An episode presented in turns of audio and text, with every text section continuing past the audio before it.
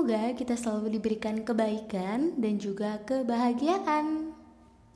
Nah, senang sekali nih pada hari ini kita akan berbincang dengan salah satu perusahaan penyedia jasa web hosting di Indonesia, Beon Intermedia. Nah, hari ini sudah bersama dengan Mas Faisal, salah satu manajer di Beon Intermedia. Nah, langsung aja ya kita ngobrol bersama Mas Faisal. Kalau Mas sendiri udah berapa lama sih berada di sini dan jenjang karirnya kayak gimana sih? Oke, aku mulai karir di sini mulai tahun 2009. 2009. Jadi totalnya sekarang udah 10 tahun lebih satu bulan. Oh, lumayan ya. Iya, eh, aku start mulai dari sini waktu itu kita jalannya di 2000 perusahaannya berdiri 2007. Aku join 2009 di situ uh, aku masuk join di tim customer support pertama. Jadi handle customer sama uh, technical lah di situ. Nah dari situ selama dua tahun aku fokus di situ terus aku dapat challenge dapat tantangan ya. Dapat tantangan untuk masuk ke bagian developer. Kebetulan kurang developer sih di situ. Nah uh, di situ aku sempat uh, berpikiran sih ngapain sih aku kok masuk ke developer? Toh aku bukan jurusan sebenarnya bukan bukan passionku bukan bukan soal passion bukan bukan uh, jurusanku karena aku sebelumnya itu jurusannya ada di jaringan oh. networking. Nah di situ kan pivot banget tuh ya kan? Aku pivot banget di situ uh, aku sempat mau ngajuin resign waktu itu saat itu. Kebetulan ownernya di situ langsung sempat ngajak aku omong-omongan. Itu bilang e, kamu mau jadi apa nanti? Nah di situ uh, aku bilang aku enjoy sama kerjaanku yang saat ini. Oh gitu. Ya berarti lima tahun lagi kamu mau jadi tetap sama kerjaan seperti ini. Uh, si owner bilang oke okay, kalau lima tahun pasti kamu jadi senior ya kan? Oh iya pasti. Terus kalau kamu ibaratin sebuah perusahaan itu kan mikir duit juga. Yeah.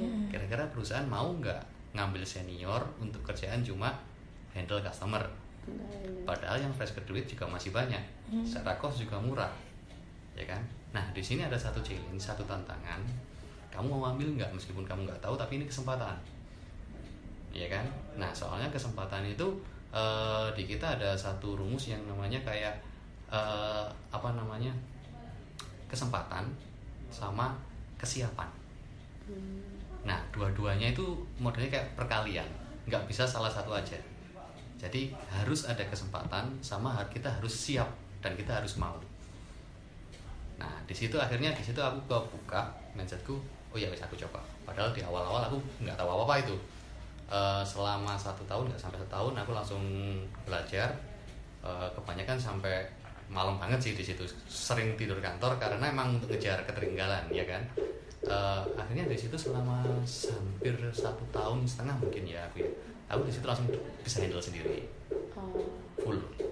Wah biasanya nah dari situ akhirnya nggak uh, berapa lama itu aku langsung jadi leader. Nah dari leader di situ ada timnya lagi. Nah setelah jadi tim jadi lead uh, kebetulan waktu itu pindah ke kota Malang ya kan? Kalau nggak salah pindahnya sekitar 2000 berapa ya? 2014 kalau nggak 2013 pindah ke kota Malang di sini aku jadi uh, senior yang untuk ngurusin analisis sistem. Di sini aku pegang untuk perancangannya dan lain-lain di sini. Jadi aku habis dari ke manajerial manajerial balik hmm. lagi ke spesialis. Hmm. oke okay, nggak masalah. Sebenarnya kan mungkin dari sisi orang kayak di banting putar-putar kayak gitu ya. Cuman di situ yang aku ambil adalah oh ternyata mungkin skillku yang dulu di leader masih kurang. Nah ketika masuk ke spesialis aku dapat pelajaran lagi banyak di situ. Aku lebih ngedalamin lagi. Setelah beberapa masuk spesialis sampai tahun 2000 18 akhir soal 18 akhir kemarin ya. Enggak bulan 10 kalau nggak salahnya itu aku masuk ke manajer operasional hmm. langsung saya langsung loncat. Karena memang mungkin lihat dari manajerial mungkin possible ya. Iya. tiga bulan aku ambil di operasional aku rubah semua proses operasional. Yang sebelumnya masih banyak manual dan lain aku rubah jadi otomatis. Hmm. karena kan aku ada latar belakang teknis juga. Aku tahu hmm. karena kemarin aku habis belajar yang jadi senior itu oh bukan spesialis itu nah di situ akhirnya aku pindah lagi ke bisnis development sekarang Oh, jadi sampai sekarang mulai dari tahun 2018 berarti ya Mas ya? tahun 2018 bulan Oktober aku masuk di manajer operasional Hmm, ya sekarang di bisnis di development business development. Kalau Mas. Faisal sendiri punya sebuah sosok nggak sih Mhm. untuk memotivasi diri atau punya apa namanya uh, seseorang yang kayak aku aku ingin menjadi seperti dia kayak gitu. inspirator Uh, Inspirator. Oke, kalau dari aku sendiri sih, aku sekarang internya sih Tesla sih sebenarnya. Apa ya namanya ya? Eh, sudut pandangnya dia kalau ngeliat sesuatu sih beda banget. Dia bisa apa namanya kayak kalau dia pengennya ini ya ini. Entah nanti gagal atau enggak itu urusan nanti. Aku coba dulu. Hmm. Yang penting aku udah dapet hasilnya gagal atau enggak ya aku ulang lagi. Iya. Yang penting kayak gitu. Ngapain kok dipikir-pikir yang penting ya sekali. You never know even if even apa bahasa Inggrisnya kamu. kamu tidak akan pernah tahu kalau kamu tidak pernah mencoba. Iya. Memang sebelumnya nggak di Malang nih Mas? Sebelumnya di Surabaya ini Oh, sebelumnya di Surabaya terus pindah ke kantor di Malang. Iya betul. Oh gitu. Nah kalau ngomongin soal Beyond sendiri intermedia, sebenarnya ini tuh perusahaan yang seperti apa, terus juga bergerak di bidang apa, dan Oke. perjalanan mulai dari tadi sampai pindah dari. Surabaya ke Malang itu seperti apa sih mas? Oke. Eh, sebenarnya eh, aku bilang Beyond Intermedia ini sebenarnya kayak startup ya Pak ya. Startup karena eh, kita kenapa kok kita bilangnya startup? Karena sistem kerja kita di sini semuanya eh, kita bilangnya agile. Agile cepat banget. Hmm. Jadi kita nggak bisa langsung kayak apa namanya? Kita planning jauh, oke, untuk buat planning eh, kayak guiding kita. Tapi tengah jalan itu pasti banyak suatu hal yang variabel yang berubah semua. Dari situ kita harus bisa tetap adaptasi sama itu, Iya. ya kan? Nah makanya kita bilang agile. Nah eh, kalau mulai tahun 2007 yang sebelumnya di Surabaya kita cuman satu ruko kecil dan personalnya cuma eh, kurang lebih nggak sampai 20 orang ya kan? Nggak sampai 20 orang itu handle terus pindah ke Malang. Waktu ke Malang itu udah banyak banget. Ham- nggak sampai mungkin 50-an kalau nggak salah. Karena di kita sistem kita karena eh, apa namanya eh, jumlah tim kita nggak sampai lebih dari 100 karena di sini fokusnya adalah di otomatis kebanyakan. Karena setiap orang itu kerjaan setiap orang itu pasti ada patternnya. Dan itu selalu kita buat otomatis semua. Nah kebanyakan otomatis eh, dari ya kayak kemarin aku masuk jadi yang spesialis itu aku banyak ngerjain di otomatisnya Oh. jadi buahnya sistem. Iya. nah tadi kan kenapa tanyanya kenapa kok dari Malang ke Surabaya, Surabaya.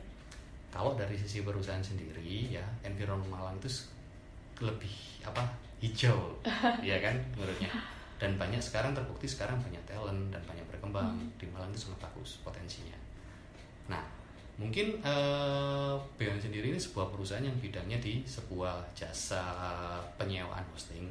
Atau misalkan teman-teman mau go online dia butuh untuk website naruh websitenya di online bisa di kita nah pasti ada pertanyaan Nuh, kalau gitu pasti butuh server dong. Nah lokasi servernya di mana? Nah ser- server kita ada di Jakarta ada Singapura ada sama Surabaya.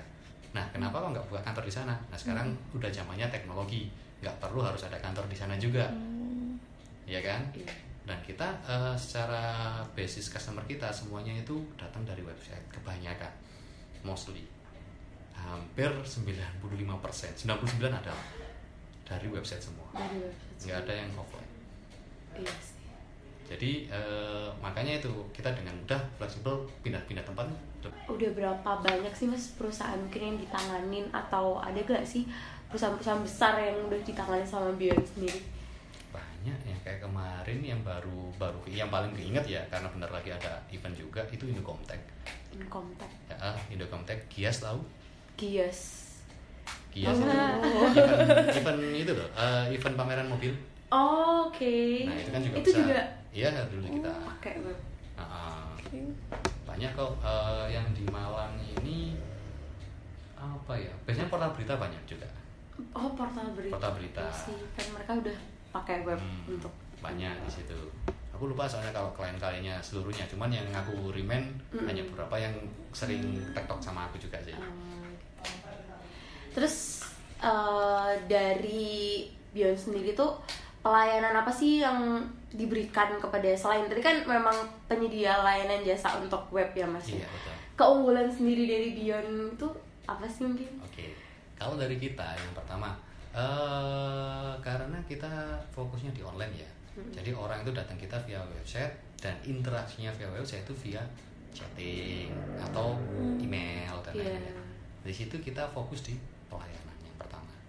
Nah, pelayanan kenapa kok pelayanan? Karena orang datang kita, dia biasanya butuh bantuan atau ada kendala, ya kan? Nah, ketika ada kendala dan lain, secepat mungkin kita harus bisa nyelesain itu. Nah, gimana cara mempercepatnya? Bisa cari tim-timnya kita yang berbanyak atau sistem kita yang sudah otomatis, Hmm. ya kan? Nah, nanti tadi kan sempat Mbak masuk ke kita ada beberapa orang di depan ini. Iya. Ini semuanya cuma handle customer aja. Dan timnya cuma berapa ini? Total customer kita itu sampai 60.000 ribu uh customer ya. ya wah banyak juga ya banyak banget itu ya, enam ribu dengan- dan ini semua handle customer yang di depan ini semua Mm-mm. wah Kan sistem kita banyak yang udah otomatis nih. iya Jadi kalau- eh, sebenarnya kalau yang benar-benar nggak bisa handle otomatis ya tinggal teman-teman ini.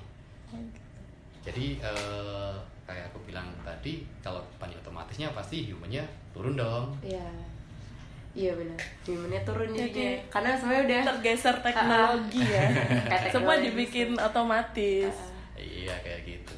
4.0. dari proses bisnis perusahaan ini sendiri kayak gitu tadi Ah. nyambung nih mas Iya, ada iya. nggak sih sebuah filosofi atau mungkin eh, pegangan buat Ah. sebuah perusahaan untuk kayak gini nih aku mau eh, tujuan perusahaan aku goals perusahaan itu mau Ah. kayak gimana ada nggak sih mas Oke, kalau untuk aku belum jauh-jauh ke goal dulu ya. Satu pegangan di kita itu ada satu kata itu done is better than perfect. Selesai itu lebih baik daripada perfect. Saya lebih baik daripada perfect Nah, soalnya gini, rata-rata orang mau bikin sesuatu atau mau memberi menyelesaikan suatu masalah, dia berusaha menyelesaikan sampai perfect banget. Mm-mm. Dan itu waktunya pasti lama. lama Nah, daripada nunggu sampai perfect, yang penting adalah orangnya itu men- sudah solusi kita sudah eh, apa mensolusikan untuk orangnya. Itu udah cukup sebenarnya. Minimal itu, nggak perlu kita bikin sampai eh, lama.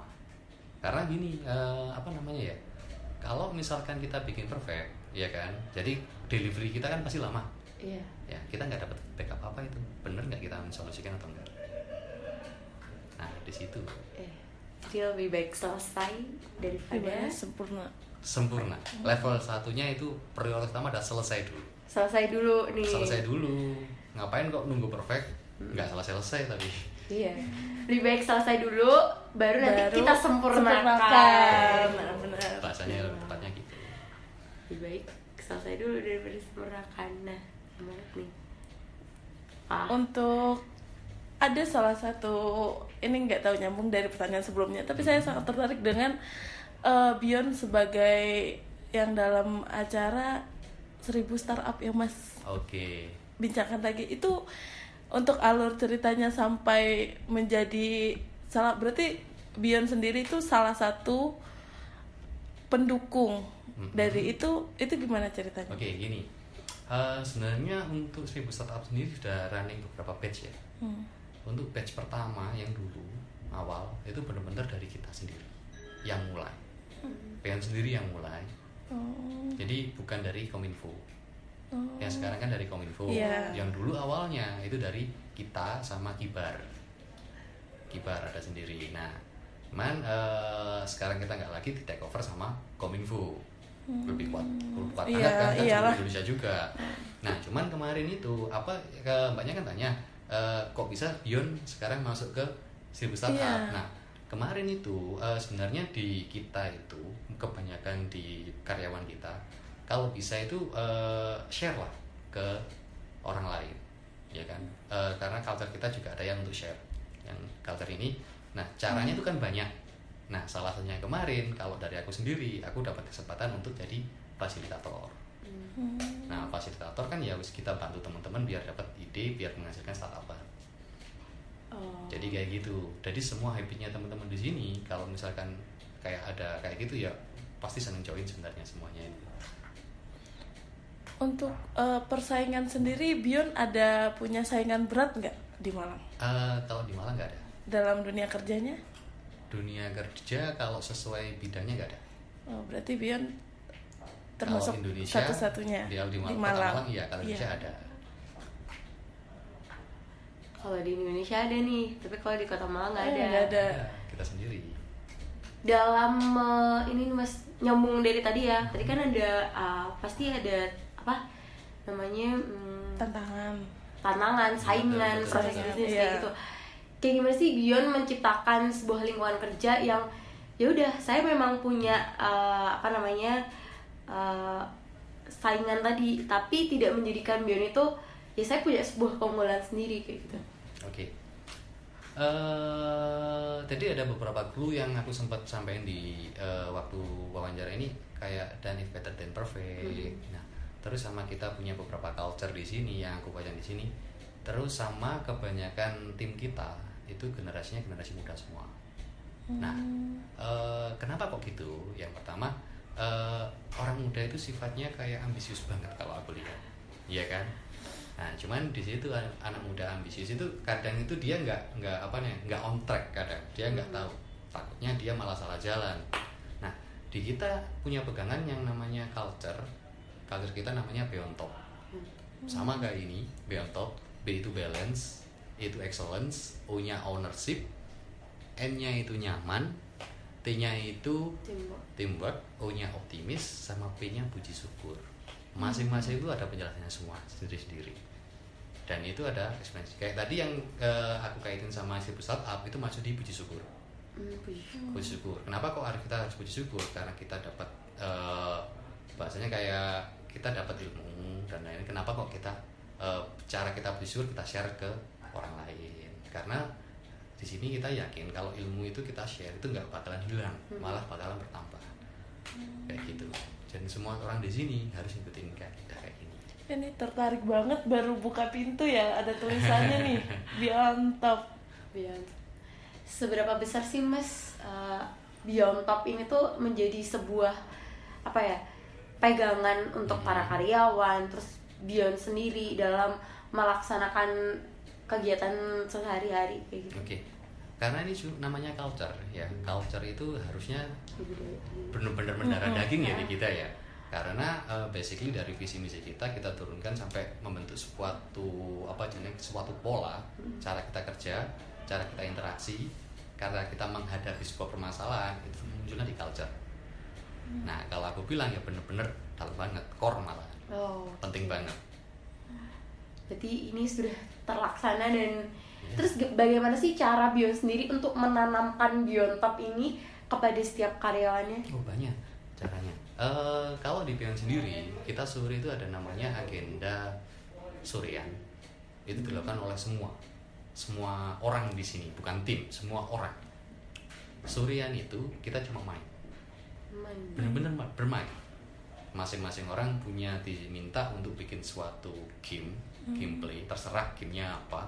Nanti kita bagi. Kalau kebetulan kan ini dua lantai ya, atas sama bawah. Yang atas ada leadernya, yang bawah juga ada leadernya. Gamenya terserah, kadang tebak kata, tebak gambar, atau bermain yang seru-seruan. Pokoknya kita harus have fun. Jadi eh, tujuan kita kerja itu eh, biar semangat. Waktu kita masuk di sini semangat, pulang juga harus tetap semangat Dan itu setiap hari. setiap hari. Wah. Seru ya, tiap Iya, sore seru. ngegame. Ngegamenya Iya. itu bukan ngegame yang kayak HP miring kayak sekarang itu lebih ke ngelatih teamworknya ya. Dan ada juga kalau misalkan hari Jumat itu kita namanya kayak sharing season. Sharing season itu eh, bisa sharing dari tim internal kita sendiri atau kita dari orang lain. Jadi kita ngumpul di satu tempat, situ kita sharing session. Nah sharing session itu materinya nggak cuma eh, soft skill atau hard skill, kadang juga masuk psikologi juga masuk. Jadi benar-benar beda banget. Ya, KonMari, KonMari itu suatu metode untuk mendisiplinkan, membuat kita jadi disiplin. Nah, salah satu caranya adalah membuat benda-benda yang di sekitar kita ini tertata. Nah, tertata nggak cuma kelihatan rapi, tapi juga eh, apa namanya mana yang kita butuhkan berada, berada di tempat yang mudah kita jangkau. Mana yang nggak kita butuhkan itu disimpan. Nah, itu salah satu dampak ke produktivitas. Detail itu ya. sangat detail. Mana yang bisa dijangkau ya itu yang paling dekat. Ah, salah yang nggak bisa di, yang nggak terlalu penting ya udah di sana aja kayak gitu. betul. Wah sampai sedetail itu. Dan ini tuh bener-bener apa ya menarik sekali kan ya. Iya. untuk me- mengunggah eh, apa namanya membangun sebuah beyond top ini tuh Hmm. ada banyak kegiatan yang ada banyak. Ada lagi satu, satu salah satu lagi itu namanya kita punya portal namanya gameplay gameplay Situ eh, ada namanya kayak apa ya, course. Course ya course course untuk kita belajar. Jadi teman-teman di situ kalau misalkan mau dia dapat ilmu sesuatu baru ya bisa bikin course nanti teman-teman join di situ. Nah di situ ada terus ada bikin juga kayak apa eh, apa namanya? Artikel posting-posting artikel buat teman-teman yang seneng nulis seneng nge-share. Di situ juga ada. Banyak. Di situ ada gamification-nya semua ada rankingnya juga.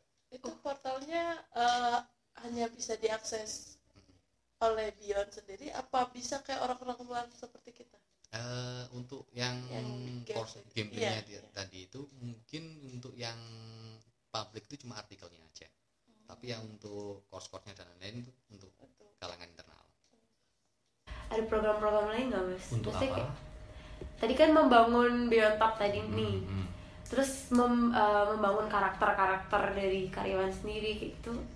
Ada nggak sih program-program karakter eh, pasti yang kita guidingnya harus masuk ke gameplay sih sebenarnya.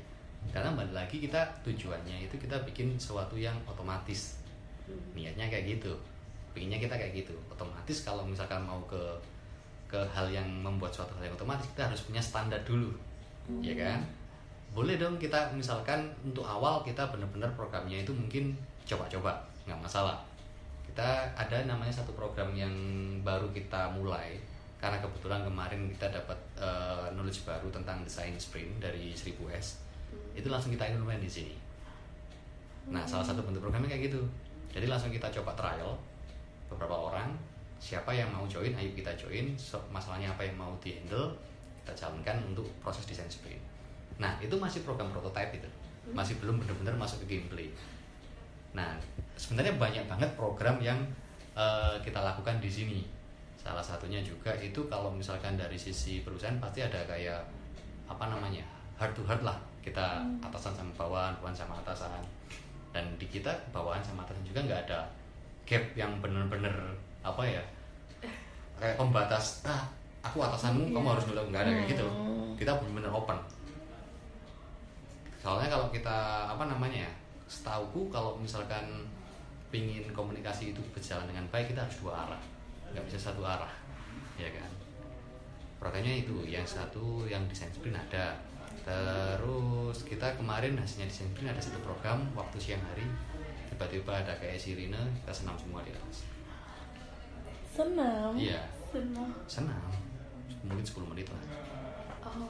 Gitu itu dalam rangka apa mas tiba-tiba senam Eh, jadi gini, kalau dari program yang kemarin yang aku tadi bilang desain sprint, eh, ada ada satu hipotesa atau challenge dari teman-teman. Eh, teman-teman tuh bilangnya kalau kerja itu lemes, suntuk dan lain. Apalagi kalau habis makan siang dan lain-lain ya. Ternyata dari situ kita coba running desain sprint muncul beberapa ide. Oke oke abis makan siang lagi ngantuk-ngantuk ya disuruh gerak biar semangat lagi Iya, itu Terus kan hasilnya gitu? Mhm. hasilnya orang-orang eh, teman-teman di sini jadi lebih semangat kah atau Nah, kalau sisi hasilnya, kalau selama yang ini ya, aku bilangnya teman-teman responnya baik. Nah, eh, yang dari proses desain seperti itu hasilnya kan bisa positif sama bisa negatif, ya kan? Nah, di situ kita proses lagi, kita ulang lagi, kita cari ide lagi. Jadi nggak nggak berhenti cuma oh itu lanjutin terus nggak. Kalau nggak ada feedback, oh ini nggak nggak bagus, harus dibetulin lagi, ya kita betulin lagi.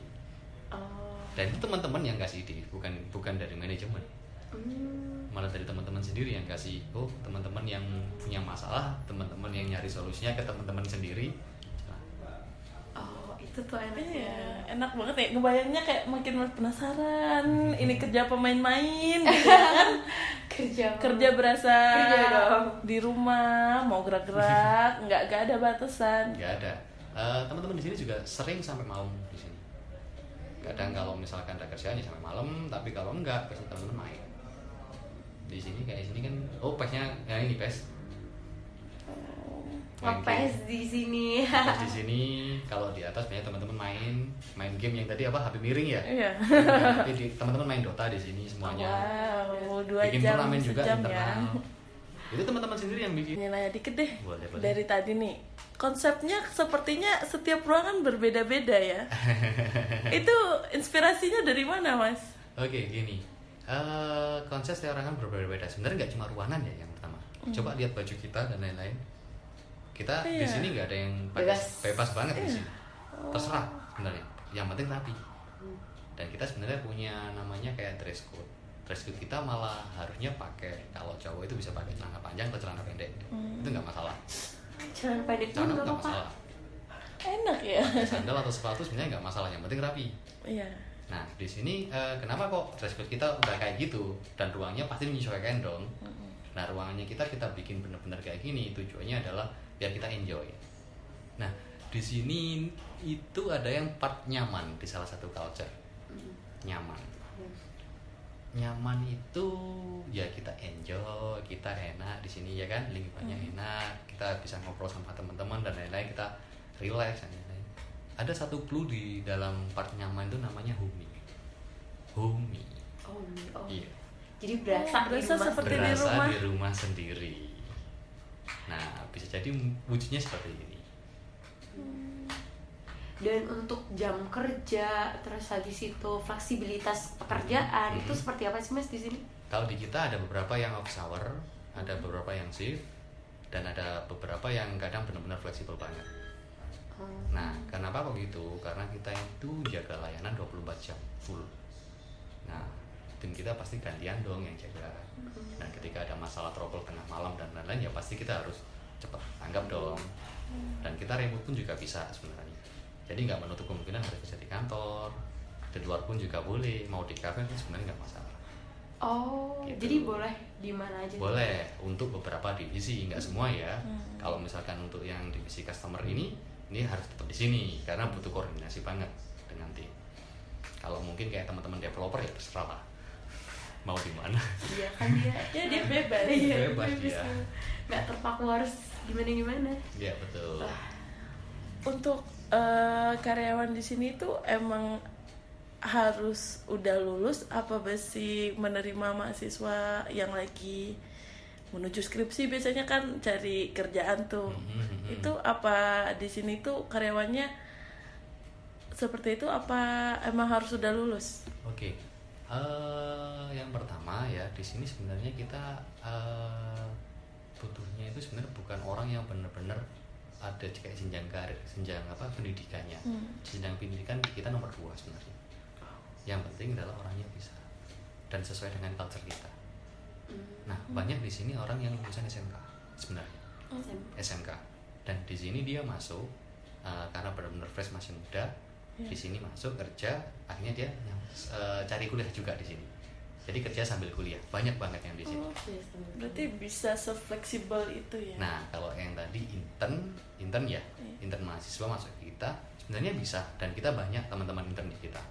Malah di sini kita kasih challenge yang ya wis uh, apa namanya kita butuh kayak gini-gini. Kita kasih goalnya biar dia cari sama kita bimbing. Salah satunya kayak gitu nah di situ intern itu kita cuma terima intern. Karena kenapa? Karena kalau misalkan ada kerjaan ya tergantung posisinya sih sebenarnya ya. Kalau posisinya benar-benar bisa fleksibel remote kita nggak masalah. Tapi kalau posisinya kayak di customer service dan lain-lain kan nggak bisa juga. Iya. tergantung waktunya. Nah sebenarnya kita fleksibel terkait itu. Tergantung eh, situasinya. Tapi kita open banget kayak hal-hal kayak gitu. gimana sih mas cara membangun loyalitas yang ada di Bro? loyalitas apa? Loyalitas uh, dari karyawan di sini. Karena kan kalau ngelihat Mas Faisal sendiri dia kayaknya punya wah dia tuh Oke. memberikan yang pertama sih eh, aku tahu apa namanya di sini. Salah satunya culture-nya ini aku cocok banget. Karena aku udah lama di sini. Waktu dulu kita bikin culture aku juga ikut di sini. Jadi di sini itu sempat kita bikin visi sama misi itu dari seluruh orang kita kita bikin semua jadi satu. Visi visi kita adalah memberi manfaat lebih dari yang anda bayangkan. Nah kenapa kok dari yang anda bayangkan? Dan ada kata-kata lebih. Kalau kita kasih suatu manfaat kan bisa banyak hal ya. Iya. solusi atau produk banyak. Kita kasih tapi kalau kita kita kasih bentar lagi bisa jadi solusinya itu enggak masih butuh lagi harus kita tambahin lagi. Nah di situ satu hal yang aku ambil adalah kita harus tetap berkembang kita boleh nggak boleh stay di sini. Nah dan aku juga orangnya bener-bener apa namanya kayak ambisius banget gitu loh. Maksudnya aku pengen ini aku pengen nyoba kayak gini. Kayak tadi aku bilang di sini semuanya ke fasilitasi. Yang penting targetmu oke wes kamu boleh nyoba apa pun wes malah itu malah monggo kita seneng banget di sini. Eh, kamu boleh melakukan apa saja asal pekerjaanmu selesai boleh Toh, Tuh. kadangkala kita malah ngelakuin apa pun yang tujuannya ya mempermudah kerjaan kita. Malah banyak banyak kebanyakan di timku goalnya gimana caranya kerjanya bisa lebih mudah. Oh. ada satu lagi kemarin tahun berapa ya? Tahun 2015 kalau salah. Kan lagi gembar-gembarnya teman-teman main Dota di sini ya. Salah satu goalnya itu di tim operasional itu gimana caranya bisa main Dota siang-siang. Wow. Main Dota siang-siang di jam kerja ya. kalau gitu kan berarti nggak ada kerjaan udah Iya. berarti gimana caranya kerjaan itu Kerjaan selesai selesai, biar Dotanya Biar bisa bisa main siang-siang. kayak gitu jadi sama sama teman-teman ya kita enjoy aja sama kayak gitu bikin kita seneng sih bikin kita kemotivasi sebenarnya gitu Bagi tipsnya dong. tips tentang apa? Bagaimana kayak eh, bagi-bagi kita nih calon-calon lulus. oke Bagaimana tips dan triknya biar bisa masuk ke dunia kerja? oke dunia kerja. Dunia kerja ini eh, sudah sangat beda banget ya dulu Iya. sama sekarang ya. Iya. era sekarang kalau misalkan era industri ada mulai dari 1.0 sampai 4.0 sekarang. Mau masuk 5 ya kan? Nah 4.0 itu eh, lebih serba otomatis ya kan? Prosesnya di otomatis standar semua pertanyaan eh, banyak orang bilang itu loh nanti butuhnya pasti sistem dong dan lain-lainnya. Tapi sekarang malah banyak orang-orang yang bikin startup. Bikin usaha sendiri. Bukan bukan malah dia ngikut di perusahaan besar tapi malah bikin sendiri. Nah di situ eh, aku ngeliat malah sebenarnya karena anak muda sekarang itu pemikirannya itu beda banget sama orang dulu banyak ide dan lain-lain kesempatan kerja sebenarnya banyak. Nah kalau soal tips yang masuk ke dunia perusahaan itu ada berbeda-beda nah contoh kalau misalkan masuk di dunia startup eh, harus dipahami dulu startup itu adalah sebuah perusahaan yang apa namanya ya dia masih butuh berkembang. Bukan sampai kayak unicorn dan lain-lain ya. Masih benar-benar butuh berkembang banget di situ pasti banyak hal yang eh, apa namanya eh, menghadang tengah jalan. Nah kalau kita untuk awal masuk ke sebuah perusahaan kita cuma cari gaji cari enak ya kan dan menurutku itu bukan fasenya bukan waktunya. Karena masih muda. Percuma kalau misalkan udah lulus S2 S3 masuk tapi nggak tarik pengalamannya. Karena aku yakin dunia kuliah sama dunia kerja itu beda banget. Sangat beda banget. Nah dunia startup itu malah banyak kadangkala sampai eh, apa namanya perusahaannya turun banget. Nah di situ kadang ada orang yang sampai oh aku nggak jadi join ini join perusahaan ini dia malah keluar dan lain-lain padahal di situ kalau aku lihat itu kesempatan dia untuk berkembang. Kenapa kok aku bilang gitu? Pasti banyak kesempatan yang bisa dia ambil. Contoh misalkan eh, kalau perusahaan lagi turun biasanya kan ada kayak redus karyawan dan lain-lain. Kerjaannya banyak yang serabutan dan lain-lain. Eh, coba ambil positifnya misalkan dapat kerjaan yang misalkan berbeda-beda apa namanya kayak job desk ya. Eh, bisa nggak kalian dapat apa suatu insight atau suatu sudut pandang yang lain ketika mengerjakan suatu hal yang lain? Nah kalau misalkan eh, kayak dulu aku pernah yang dari setelah dari networking ke programming kan beda banget tuh. Nah di situ aku ternyata malah dapat kesempatan lagi tuh. Kalau anggapnya kesempatan setelah aku dapat wejangan itu dia kesempatan.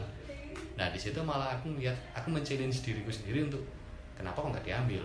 Ini kesempatan kalau nggak aku ambil nggak bisa sukses dong aku. Nah jadi eh, intinya adalah jangan cepat nyerah dan kalau ada hal yang berasa nggak cocok dan lain-lain jangan langsung eh, ya wis aku nggak cocok sama di sini aku pindah yang lain. Karena sebenarnya itu malah kesempatan buat ngembangin diri sendiri. Dengerin tuh Eh. Aksara Spotify itu. Nggak apa-apa. Boleh nih satu lagi nih saya Boleh. mau nanya nih. Boleh nggak nggak deh. Boleh? Eh, harapan ke depannya untuk Bion sendiri ada nggak Mas? harapan ke depan yang yang jelas kita eh, kalau aku sendiri aku pengen gedein revenue yang di sini. Yang pertama sama eh, dengan dampaknya revenue semakin gede otomatis kese- kesejahteraan karyawan di sini naik. Oh, gitu. Itu kan secara pastilah ya, dari semua perusahaan itu. Kalau dari aku sendiri itu karena eh, apa namanya ya aku sama teman-teman di sini udah banyak eh, yang udah lama itu banyak di sini. Dan kita sudah benar-benar jadi payah di sini kita terjun di sini ya kalau kita sukses ayo kita sukses bareng. Tadi kan pesan untuk para fresh graduate nih mas. Ah. Untuk menutup wawancara kita kayak gini Ada nggak sih Ah. sebuah uh, pesan atau tadi ada filosofi kayak Atau ada sesuatu yang mau disampaikan nih mas? berbagi. Oke. apa ya pesan untuk hari ini? Agak pikir sih. Eh kalau soal ini karena ini kan eh betul nggak? Nanti segmennya ini targetnya ke generasi muda. Ya kan? Eh, sebenarnya clue-nya sama kayak yang aku bilang tadi sih mirip banget. Kalau generasi muda ini sebenarnya berpeluang banget ya. Jadi jangan jangan kalau bisa saranku ya bolehlah masuk ke perusahaan yang settle dan lain-lain itu boleh. Cuman eh, untuk awal saranku cobalah bikin bener-bener mulai dari zero lah. Karena di situ bener-bener banyak banget pengalamannya kalau masuk ke perusahaan besar oke dia langsung dapat gitu kan? Ya dan ilmunya pasti itu aja. Nggak dapat yang lain. Padahal kalau misalkan orang jenjang karir kalau misalkan kayak orang bisnis orang bisnis kan minimal juga harus tahu teknik dikit. Orang teknis juga tahu bisnis juga. Jadi jangan menutup hal-hal yang baru. Nah itu yang penting Nah, itu tadi nih ngobrol-ngobrol santai dengan Mas Faisal. Semoga menambah wawasan dan juga bermanfaat untuk teman-teman semua. Sampai jumpa.